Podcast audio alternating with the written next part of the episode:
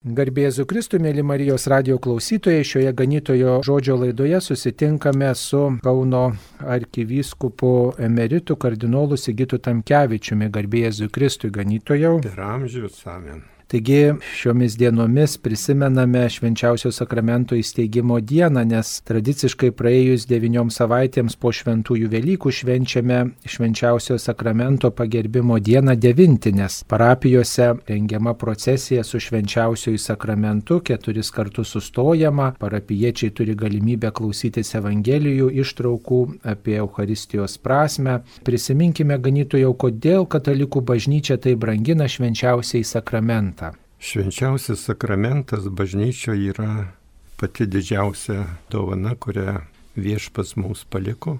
Pirmoji jo dovana buvo, kai jis įsikūnijo, tapo žmogum. Buvo toks pirmas savęs kaip Dievo tam tikras susinaikinimas. Vis tik viešpas, per kurį sukurtas visas pasaulis, jis priima žmogaus prigimtį, matomas kaip žmogus. Na, o Antroji viešpaties kenozė dar didesnis savęs sunaikinimas, paukojimas, tai likimas švenčiausiam sakramente, kai prieš savo kančią Velykų vakarienės metu paėmė duoną, laužė ir davė valgyti, sakydamas, tai mano kūnas. Tuo metu jis ir liepė dalinti tą duoną, daryti jo atminimui, reiškia, paliepė per amžius, kad būtų švenčiama Euharistija Tai čia žmogaus protų tiesiog nesuvokiama viešpaties meilės paslaptis, taip kaip nesuvokiama jo ir mirtis ant kryžiaus iš meilės mums. Taigi Dievas tokius žingsnius žengė, kad laimėtų mūsų žmonių meilę. Manau, kad įsigilinus į šitą Dievo meilės slėpinį, turėtume jaustis labai gerai, jeigu mus taip Dievas myli, kad jis nori ateiti ir gyventi su mumis, ateina mums priimtinu būdu, duonos pavydalu, vyno pavydalu. Nes jeigu jis pasirodytų mums, koks jis yra, tai Senajame testamente buvo įsitikinimas, kad žmogus jau neliktų gyvas pamatęs viešpatį. Tai iš tikrųjų prieš viešpatį mes esam mažesni kaip dulkelė ir tą dulkelę viešpats taip be galo myli. Tai Euharistija tokia didelė, be galo didelė Dievo dovana, beprotiškai didelė Dievo dovana. Atrodo, kad kiekvieną dieną bažnyčiose švenčiamo šventosios mišios ir sekmadieniais susitelkia visa bendruomenė, visa parapija prie altoriaus ir štai dar viena iškilmė švenčiausio sakramento pagerbimo devintinės, kai tuo tarpu turim ir didįjį ketvirtadienį. Tiesiog atrodo gal ir dar tokia perteklinė šventė ir niekad apie tai nepagalvojote, kad devintinės atrodo gal reikėtų kažkokį kitą aspektą svarstyti, o štai čia bažnyčia dar kartą pagerbė švenčiausiai sakramentą. Iš tikrųjų tikrųjų nėra perteklinė šventė, nors mes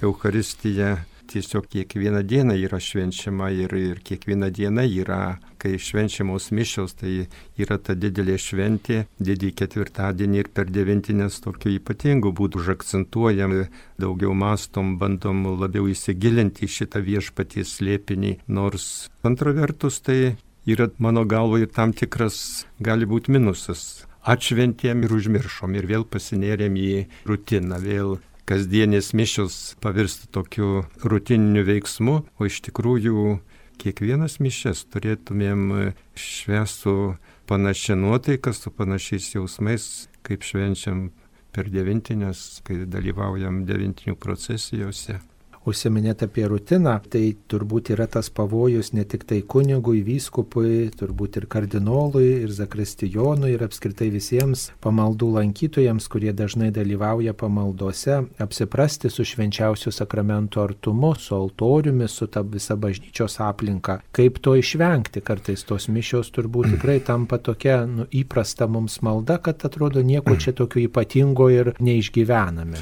Aš neturiu tokio atsakymo, kurį turint būtų galima rutinos išvengti. Tai manau, kad dalinai viskas priklauso nuo mūsų dvasinio gyvenimo, nuo dvasinio gyvenimo intensyvumo. Jeigu su viešpačiu palaikom pastovų ryšį, melžiamės, skaitom šventą raštą, dalyvaujam rekolekcijose, dalyvaujam adoracijose. Tai jeigu tikinčio žmogaus dvasinis gyvenimas intensyvus, tada turbūt mažiau yra pavojaus, kad ir mišių šventimas pasidarytų rutininis. Bet jeigu žmogaus dvasinis gyvenimas silpnas, tai neišvengiamai į tą rutiną pakliūvam.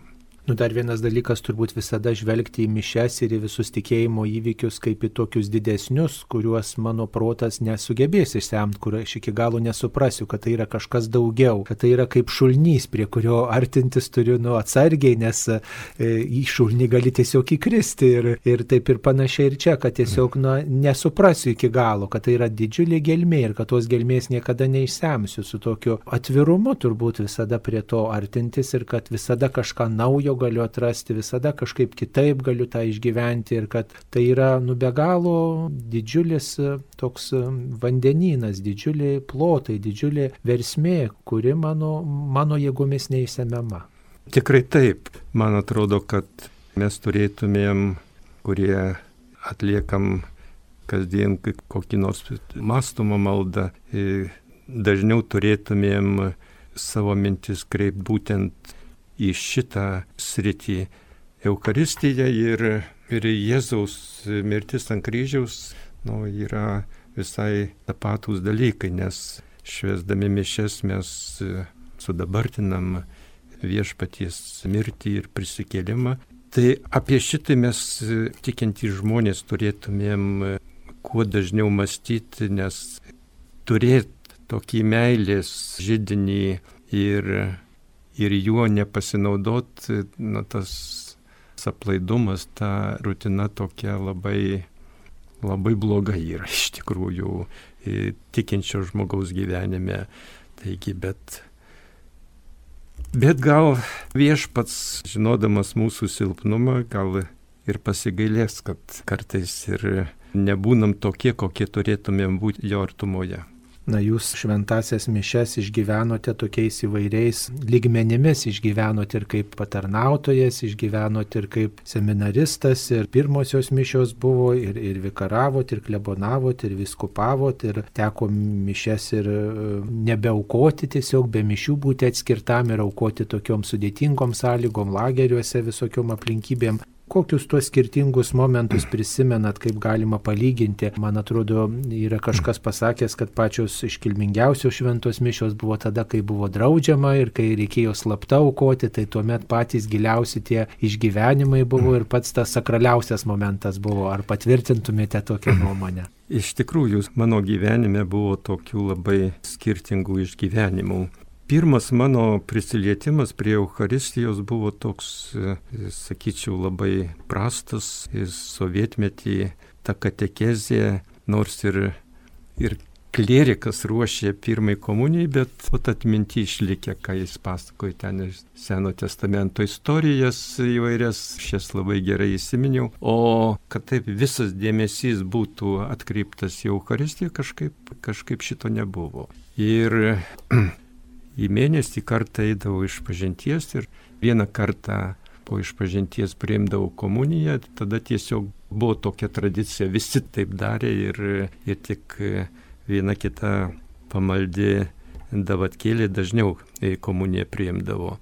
Tai mano su Euharistija tokia rimta pažintis pasidarė, buvau gal 13 metų paauglys ir teko bendrauti su mano parapijoje slapstėsi salezietis kunigas Antanas Keltys ir jis man davė, e, davė, davė brošiūrėlę apie Eucharistiją ir kai aš ją paskaičiau, jis e, mane paragino kasdien priimti komuniją. Tik sakė, jeigu jau taip darysi, tai būtų gerai, kad eitum kas dvi savaitės iš pažinties. Tai aš dėkoju Dievui, kad paklausiau šito švento kunigo tokio patarimų ir pradėjau dažnai iš pažinties ir tada Eucharistinis Jėzus pasidarė kažkoks labai, labai artimas. Ir man atrodo, kad tu prasidėjai tokia ir rimta tikėjimo kelionė. kuri be jokios abejonės paskui nuvedė ir į seminariją. Seminarijoje tikrai mes turėjom, turėjom gražių pavyzdžių. Seminarijos vicerektorius, kaip tada vadinom, bendrabučio vedėjas, buvo kunigas Vincentas Latkevičius, vėliau kardinolų tapęs. Jis vedė tokį gilų dvasinį gyvenimą, labai brangino Eucharistiją ir, ir kai mes matydavom, kaip jis aukoja mišes, tai nu, atrodė jis tiesiog pasineria toje paslaptyje. Tai tikrai turėjom tokių gerų pavyzdžių. Paskui šiaip tokį kaip išskirtinį atvejį prisimenu, kai teko bendrauti su jėzuitu Prancišku Masilioniu, dalyvauti jo ilgesnėse aštuonių dienų rekolekcijose, tai šitas kunigas ypač akcentavo dėmesį Eucharistiniam Jėzui. Jis net buvo įkūręs seserų kongregaciją, kuri turėjo Eucharistinio Jėzaus vardą. Tai iš šito kunigo tikrai irgi daug mokiausi, gilinau savo dėmesį Eucharistijai. Na, kas be ko, turbūt kiekvieno kunigo gyvenime pirmos mišios tai būna tikrai išgyvenamos labai giliai, Gal paskui vėliau mes dvasiškai apsiprantam ir kartais į rutiną pakliūvom, bet pačios pirmos mišios jos palieka tokį neišdildomą įspūdį. Aukojot savo parapijoje, gimtojoje krikštonystė. Taip, savo gimtojoje parapijoje. Paskui per kunigo tarnystę turbūt visko pasitaikė. Pasitaikė ir tokių ir paskubėjimų, ir kai, kai daug visokių rūpeščių, tai kažkur tai jame ir truputį sumažėjo dėmesio Euharistijai, bet man galbūt pasisekė, padėjo, kad ten po kelių kunigystės metų įstojau į Jėzaus draugiją, tai Jėzaus draugijoje dėmesys Euharistijai toks jau labai užakcentuotas, tai ypač per didžiasis rekolekcijas tai tikrai jau tiek daug gauni, kad sunku tą ir, ir išsakyti žodžiais.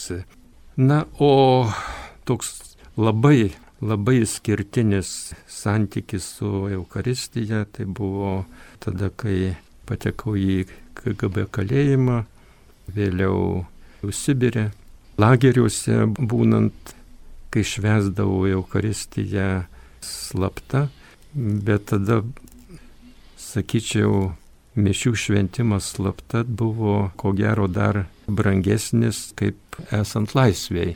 Ir va tas e, suvokimas, kad, kad su manimi yra viešpatsis, e, labai daug davė ir, ir stiprybės nebuvo, nebuvo nei mažiausios pagundos ten kažkur supasuot, kai siūlydavo laisvę, pažadėjus keisti gyvenimo stilių, tai nebuvo net pagundos. Ir manau, kad ta visa tokia dvasinė stiprybė tai nebuvo ten kažkur tai iš mano žmogiškos prigimties, bet buvo tiesiog nuostabus Dievo meilės veikimas. O tokiom sunkiom sąlygom ten kalėjime, lageriuose, jeigu ten švesdavot mišes, kažkada nebūdavo tokių sąžinės skrupulų, ar čia galioja, ar čia viskas teisinga, ar kaip tik tai vat, prisilietėt prie to, kad Dievas mato mano troškimą, mano norą vienyti su juo, išgyventi va kunigystės tapatybę, švesti mišes ir jis papildys, jei čia kažkas ne taip, kok trūksta. Ne, šitų abejonių, aš šitų abejonių neturėjau. Buvau pakankamai žinantis tuos teologinius dalykus, kas mišios yra esminiai dalykai, taip kad duona ir vynas buvo tikri, vyną pats pasigamindavau iš razinų, nes ten perduot vyno negalėjo artimieji. Taigi, o gal, gal buvo visi tekstai, žinoma, aš neturėjau mišiolo, tai pasinaudodavau maldynu, kuriame buvo kanonas mišių maldas irgi jau savo nuožiūrą iš maldyno pasimdavau, taip kad čia neturėjau nei kokių abejonių, nei skrupulų, buvo tokia didžiausia toks nerimas, kad, nu, nedaug dievę aukojant mišes staiga užklups ir kaip tada reikės greitai susitvarkyti. Jie, žinoma, buvau ir tam pasiruošęs, kad jei kartais ką, kad tuoj pat priimčiau švenčiausią sakramentą, jau jeigu mišių antra dalis Man atrodo, viešpats pats save saugojo ir tik vieną, vienintelį atvejį staiga užklupo mane mišęs aukojant, bet buvo jau pati pabaiga, jau buvau prieėmęs komuniją ir aukojau naktį ir tą naktį mane paėmė į etapą vežti į lagerį. Na, o lagerį irgi buvo vienintelis atvejis, kai netikėtai užklupo, dirbau skalbėjo ir taip jau pataikęs tokį ramų momentą, įsidėšiau viską aukot mišes ir, ir tik staiga atsidaro durys ir įeina dėžuruojantis karininkas ir klausia, ką darai. Žiūriu jam į akį, sakau, melžiuosi. Nu, nemelavot. Pastovėjo, kokią 20 sekundžių tyloj apsisuko ir išėjo. o aš tiesiog mišęs toliau. Taip kad tais nelaisvės metais tikrai mišęs labai dažnai švenčiau. Žinoma, buvo momentų, kai ten visokie etapai ir kitur, kai neturėdavau iš ko pasigaminti vyno, bet tokių dienų buvo mažiau. Ir tas bendravimas su Eucharistiniu Jėzum, ypač va švenčiant mišes, tai jis buvo be galo, be galo brangus. Padėjo išstovėti.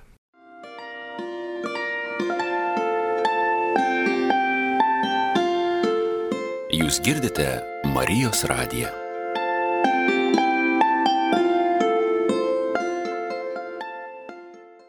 Tapus štai vyskupu kai mišes švesdavot ypač didįjį ketvirtadienį su daugybė kunigų ir nekarta teko koncelebruoti ir su popiežiais Romoje. Ir čia kai popiežius buvo Lietuvoje, vienas ir kitas popiežius, na kokia patirtis štai.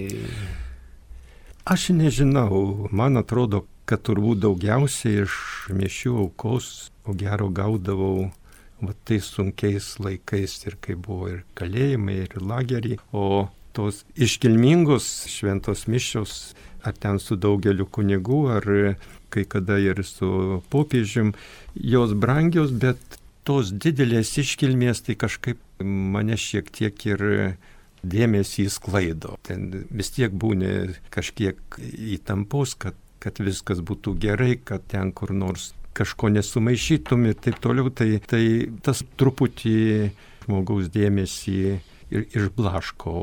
O kada absoliučiai nieks neblaško, kaip toj pačioj kalėjimo kameroje tyla, tai čia tik tikrai tą viešpaties artumą bent man pasisekdavo, man atrodo, geriau išgyventi, kaip kaip ten labai iškilmingai aukojant mišes. Nu, vis dėlto kažkaip norėčiau prisiminti 2000 metus, kada buvo jubilėjiniai metai Kaune ir jums teko organizuoti Eucharistinį kongresą ir toks, sakyčiau, išskirtinis ir šventų mišių šventimas buvo ir tas dėmesys Eucharistijai ir, ir procesijos Kauno gatvėmis su švenčiausiųjų sakramentu ir adoracijos momentai įgulos bažnyčioje ir, ir kitose galbūt bažnyčiose ir, ir štai žmonių tas dėmesys Eucharistijai, tai turbūt nors ir buvo labai iškilminga ir labai gausiai žmonės dalyvavo. Kaip tą išgyvenote, tokį džiaugsmą turbūt, kad tai yra antras Eucharistinis kongresas ir kad tokia viltis turbūt, kad galbūt atgims štai tas dėmesys švenčiausiam sakramentui, aug žmonių tikėjimas, kaip tą prisimenate.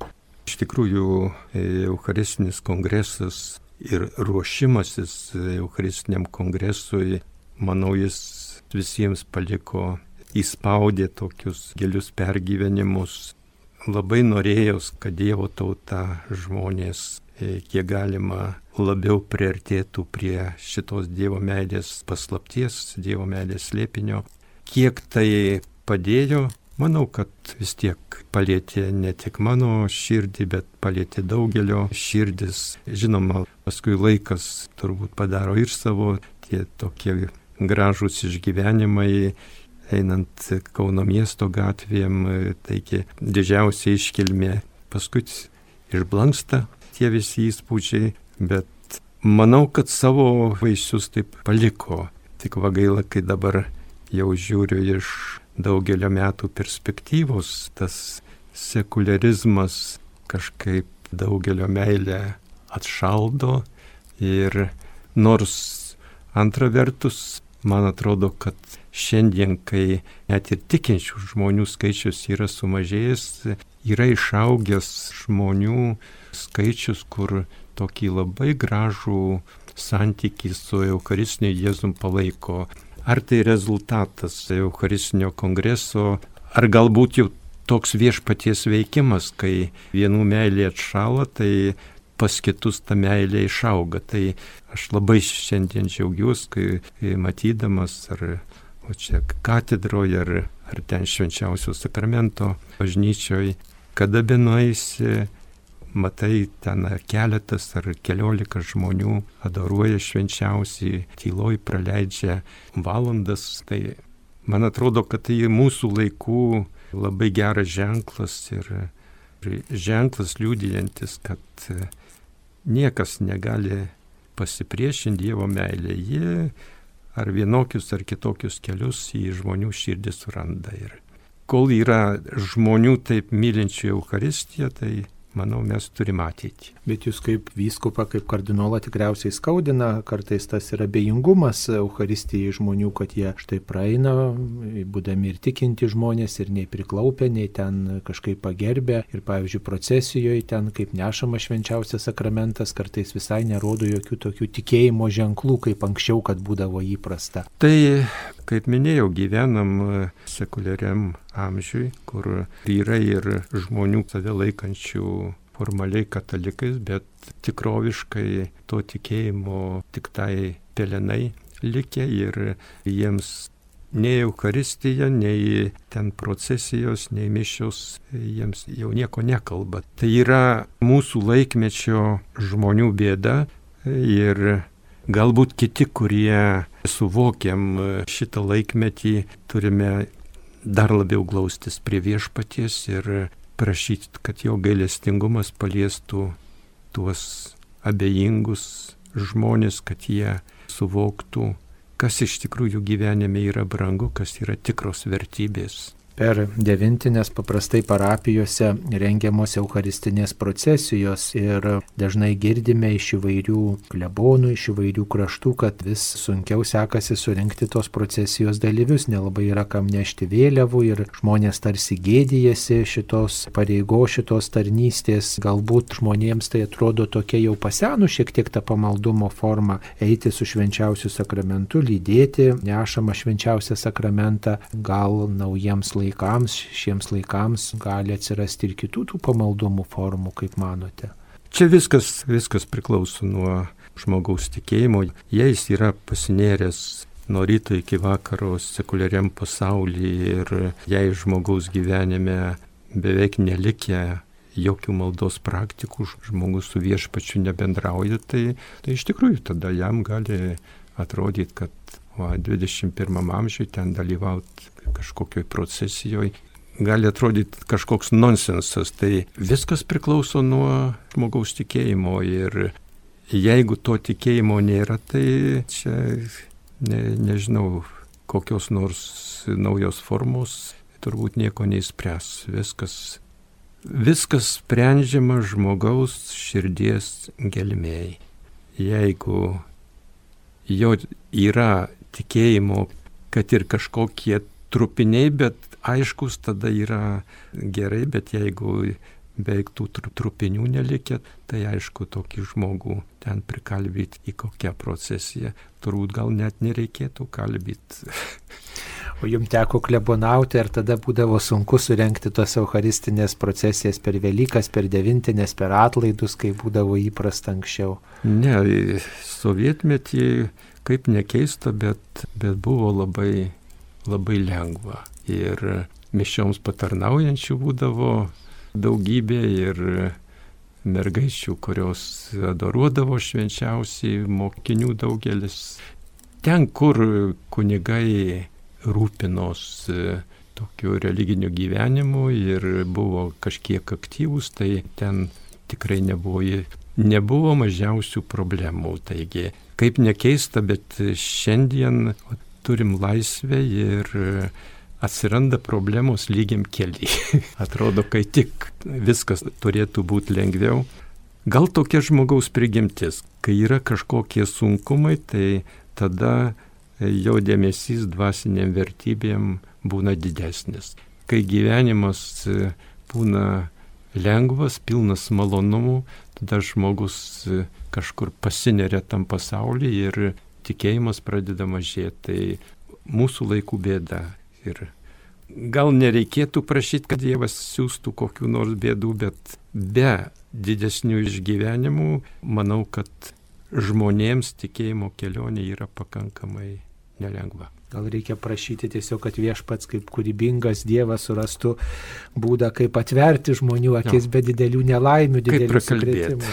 Dar vienas toks aspektas yra, kad štai šventose mišiuose daug kas priima šventąją komuniją, švenčiausiai sakramentą, Euharistiją, kuri yra ne tik Dievo artumas, bet ir artimo meilės maistas. Ir kaip čia taip atsitinka, kad štai žmonės, kurie priima komuniją, jie neauga toj meilė ir dažnai priimantis komuniją sulaukia ir priekaištų, kad štai kodėl jūs nesat šventi, kodėl jūs nesat pavyzdžiai, kodėl jūsų gyvenimas nesikeičia. Tai ar čia viešpats tiesiog dėlse veikti tų žmonių gyvenime, ar galbūt žmogaus valia, na, tokia linkusi pasirinkti nuodėmę, nenori žmogus keistis, aukti, o tampa tokiu vartotoju, net ir komunijos vartotoju tokiu.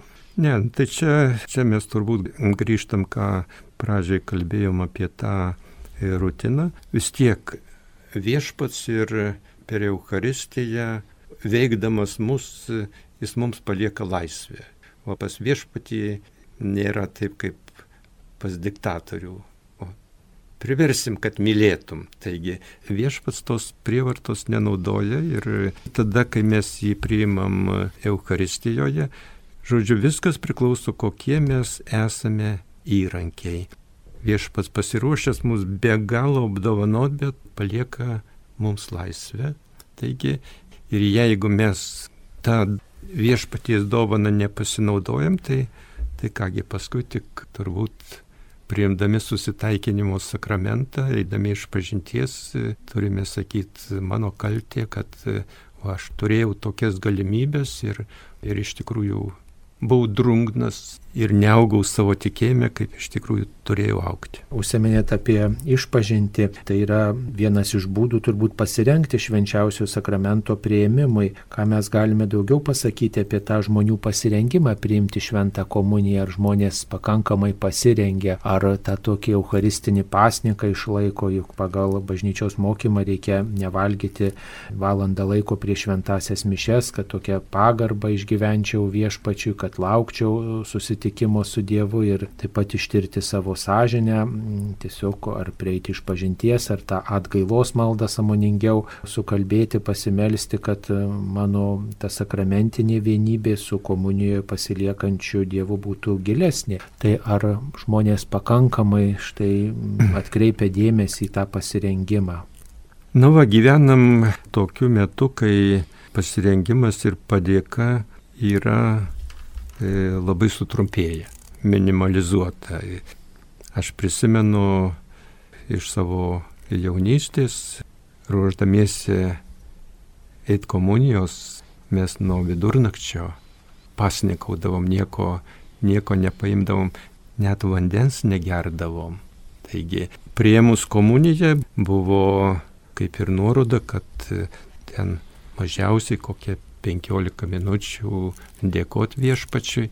Dabar bažnyčia turbūt prisitaikydama prie to modernaus žmogaus padarė tuos palengvinimus ir pasninkas prieš komuniją jau tik valandą laiko, vandenėlį visada gali gerti. Taigi padėka po komunijos dažniausiai būna tik iki mišių pabaigos kunigas palaimina ir visi, bent dauguma pakyla ir, ir bažnyčia palieka. Tai tos išorinės sąlygos, jos iš tikrųjų nepasitarnauja tokiam gilesniam ryšiui su Eucharistiniu Jėzumi. Kaip ir daugiau palikta tokios asmeninės laisvės ir, ir turbūt kiekvienas pagal savo supratimą, pagal savo sąžinę turėtumėm, eidami komunijos, visada turėtumėm mąstyti, susitiksiu su viešpačiu, su viešpačiu, kuris mane be galo myli, kuris mane lydi per gyvenimą. Taigi ir, nu, va, jeigu pabandytumėm kiekvieną kartą taip prieš švesdami mišes ar priimdami komuniją maldoj pamastyti, ko gero ir rezultatas būtų geresnis. Žodžiu, turbūt nelengva išrašyti kažkokį bendrą receptą, bet, bet su ta rutina, su apsipratimu reikia kovoti. Ir manau, kad kai einam iš pažinties ir darom sąžinės to, tokią peržvalgą, turėtumėm irgi peržvelgti, koks buvo mano santykis su, su Euharistija, ar, ar buvo pakankamai pagarbos, pakankamai paskiriau laiko, nes Juk su šitu viešpačiu kada nors mes būsim per visam žinybę. O ką dabar galėtume pasakyti tiem žmonėms, kurie dėl įvairių priežasčių negali priimti, o gal ir nenori priimti šventosios komunijos ir ilgainiui praranda tokį troškimą ir dalyvauti šventose mišiuose ir net lankyti bažnyčią? Labai sunkus klausimas ir, žodžiu, didelė bėda, man atrodo, yra žmogaus gyvenime, kai pas jį beveik sunyksta tikėjimas. Taigi, Ir to tikėjimo tokiam atsiradimui be kažkokio didesnio sukretimo jis labai sunkiai įmanomas yra. Tai aš manau, kad na, už tokius žmonės melžiantis reikėtų prašyti viešpatie, prakalbėk jiems. Kartais reikia, kad koks perkūnas trenktų į žmogaus gyvenimą, kad, kad žmogus persižegnotų ir pradėtų mąstyti, kad ne viskas yra žmogaus gyvenime pinigai, malonumai, bet yra, yra tikros vertybės, kurių negalima palikti. Turbūt visada išlieka ta tokia dvasinės komunijos prieimimo galimybė, jei žmogus jaučia, kad dėl, sakykime, jo šeimos situacijos, dėl, dėl senai atliktos išpažinties negali jis priimti šventos komunijos, kad vis tiek tą savo tikėjimą stiprintų dvasinės komunijos malda ar savai žodžiais, kviesdamas viešpatį, negaliu tave Dieve priimti, bet aplankyk ir sustiprink mane, kad nu taip lengvai netiduotų savo to tikėjimo, to tikėjimo likučių piktajam. Bet tai, ką jūs sakote, tai yra labai brangu, bet reikia, kad pa žmogų dar būtų išlikę tikėjimo, bet pats blogiausias atvejis, kai jis dėl kažkokių priežasčių negali priimti komuniją arba net priimti susitaikinimo sakramentą ir paskui apsipranta ir, ir jo tikėjimas visai, visai sunyksta. Ir ačiū Dievui, kad jei dar būna tokia padėtis, kad nu, žmogus dėl kažkokių sąlygų negali šitų sakramentų priimti ir tada aišku labai gerai, kai jis bent dvasiniu būdu viešpatį atsiprašo už, už savo gyvenimo klystkelius, klaidas ir išreiškia norą, kad labai labai norėčiau būti vienybėje ir padėk man, kad kada nors susitvarkyčiau su savo visom gyvenimo peripetijom, kad galėčiau ir realiai su tavim bendrauti ką mes kunigai galėtume padaryti, kad mūsų bažnyčiose, koplyčiose neišblėstų pagarba švenčiausiam sakramentui, kad tie tikinti žmonės, kurie dažnai lankosi bažnyčioje, kaip galėtų puoselėti tą pamaldumą Euharistijai, kad nepaisant to sekuliarumo, kuris štai ir į bažnyčią braunasi ir, ir kėsinasi mūsų pamaldumą, kad vis dėlto išliktų mūsų santykis su švenčiausiu sakramentu, tas ilgesys, pagarba liktų. Man atrodo, kad čia labai svarbus yra mūsų dvasiškių pavyzdys. Gali kunigas labai gražiai kalbėti apie Eucharistiją, bet žmonės ne tik girdi, bet ir mato. Ir jeigu parapiečiai matys, kad kunigas yra Eucharistijos artumoj, kad jis su labai didelė pagarba švenčia mišes, kad jis paskiria laiko ir adoravimui, tai tas pavyzdys yra niekuo nepakeičiamas. Tai manau ypač šiandien mums gyvenant tokiam sekuliariam pasauliui, tai kunigas ir, ir viskupas turėtų būti dažnai matomas prie tabernakolio. Tai visi žodžiai šiandien e, labai tokie nepaveikus, o pavyzdys jis visada duoda savo rezultatų. Tai, tai aš ir ir savo, ir visiems dvasiškiams linkėčiau, kad kiekvieną dieną būtų paskirta laiko pabūt Eucharistinio Jėzaus artumoje. Mėly Marijos radio klausytojai, šioje laidoje jums kalbėjo Kauno arkivyskupas emeritas kardinolas Sigitas Tamkevičius apie švenčiausiai sakramentą, apie pagarbą, apie tą priminimą, kad tai yra mūsų brangiausias e, turtas ir kad esam kviečiami bet kokiais laikais garbinti viešpatį ir niekuomet neapsiprasti su Jėzaus artumu švenčiausio sakramento dovanoje. Kardinolą kalbino aš kunigas Saulis Bužauskas. Ačiū, sudė. Sudė.